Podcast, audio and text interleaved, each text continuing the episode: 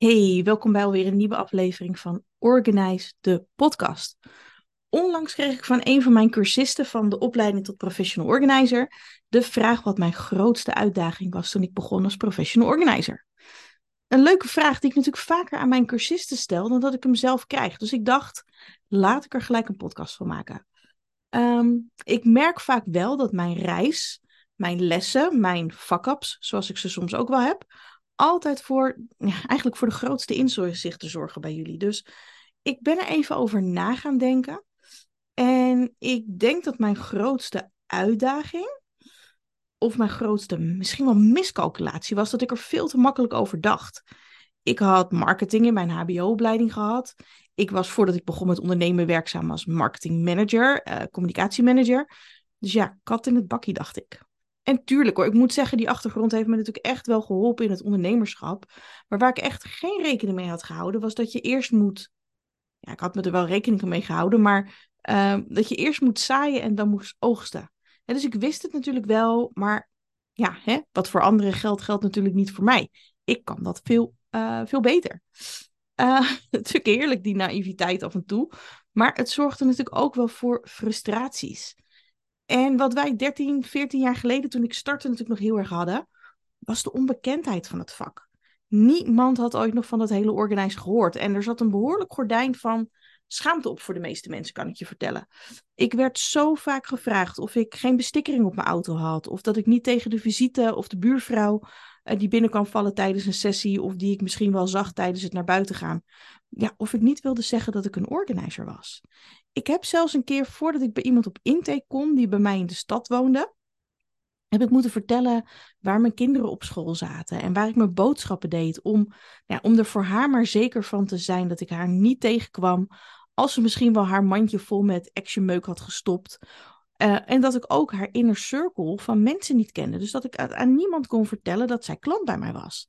Gelukkig is die taboe er inmiddels echt wel af en kan ik er heel blij van worden als mijn klanten mij trots voorstellen als hun organizer. Maar dat was dus in die beginjaren van mij uh, ja, echt nog niet zo.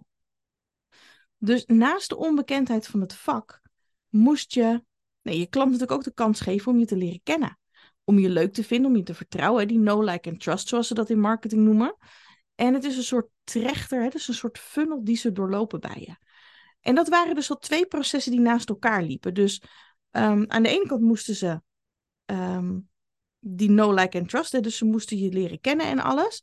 Maar ze moesten dus ook überhaupt weten dat wij bestonden en wat we allemaal voor ze konden betekenen. Um, maar er kwam daarnaast, dus naast die twee processen, nog een soort van tweeënhalfde of derde bij. Want met die bekendheid van het vak kwam bij de klant het besef van: hé, hey, dit bestaat. Ik kan hulp vragen. Wil ik dat? Ben ik daar klaar voor? Heb ik daar geld voor? Weet je, allemaal dat soort vragen die jouw klant zichzelf gaat stellen voordat ze met jou in zee gaan. Lang verhaal kort. Er gaat dus nogal wat aan vooraf voordat iemand je belt of mailt met: Hoi, ik wil klant bij je worden.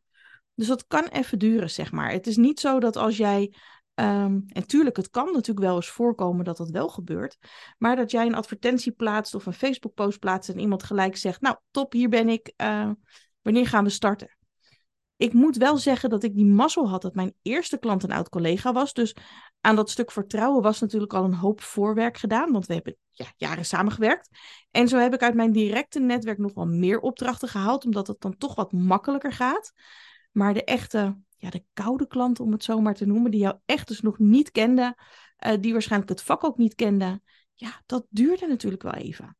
En mocht je dit nu luisteren en in die opstartfase zitten, heb je, nou ja, je hebt nu natuurlijk sowieso in deze tijd een mazzel dat het organizer een stuk bekender is en nou, ook niet meer in die taboesfeer hangt. In ieder geval niet zoals toen. Natuurlijk zijn er nog altijd mensen die het heel spannend vinden, zich er misschien soms een beetje voor, sta, uh, voor schamen. Maar nu kunnen klanten ook echt oprecht trots zijn dat ze zichzelf een organizer gunnen. En als ze er op die manier in staan, is dat natuurlijk een stuk fijner voor de aanbevelingen die ze nu met naam en toenaam durven geven, in plaats van anoniem.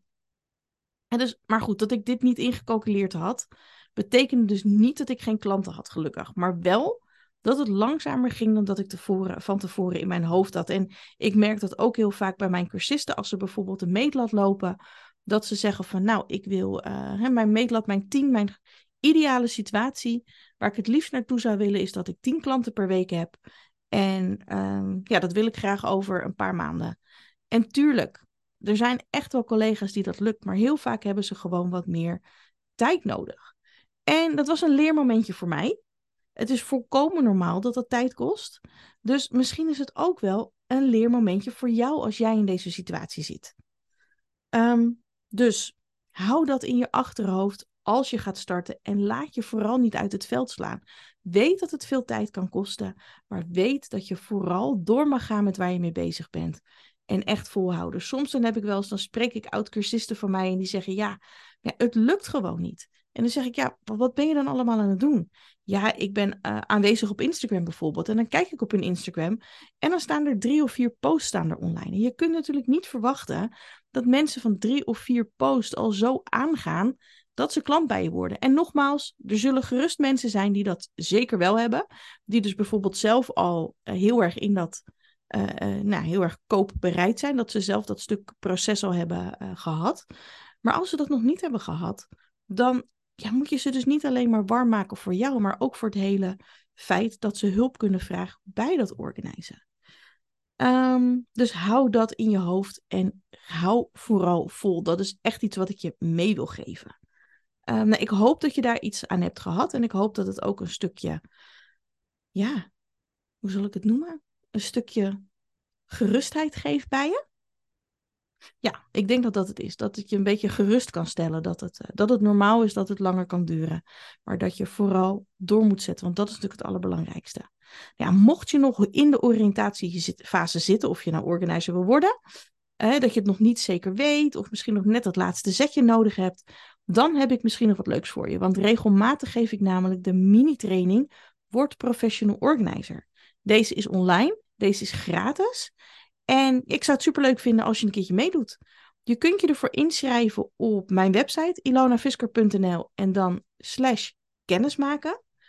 Of je kunt natuurlijk in de show notes kijken voor de link. Daar zal ik hem ook nog even neerzetten, zodat je hem daar makkelijk in kunt klikken. Um, dus dat was hem. Deze keer lekker kort en ik hoop je snel weer te zien. Doeg!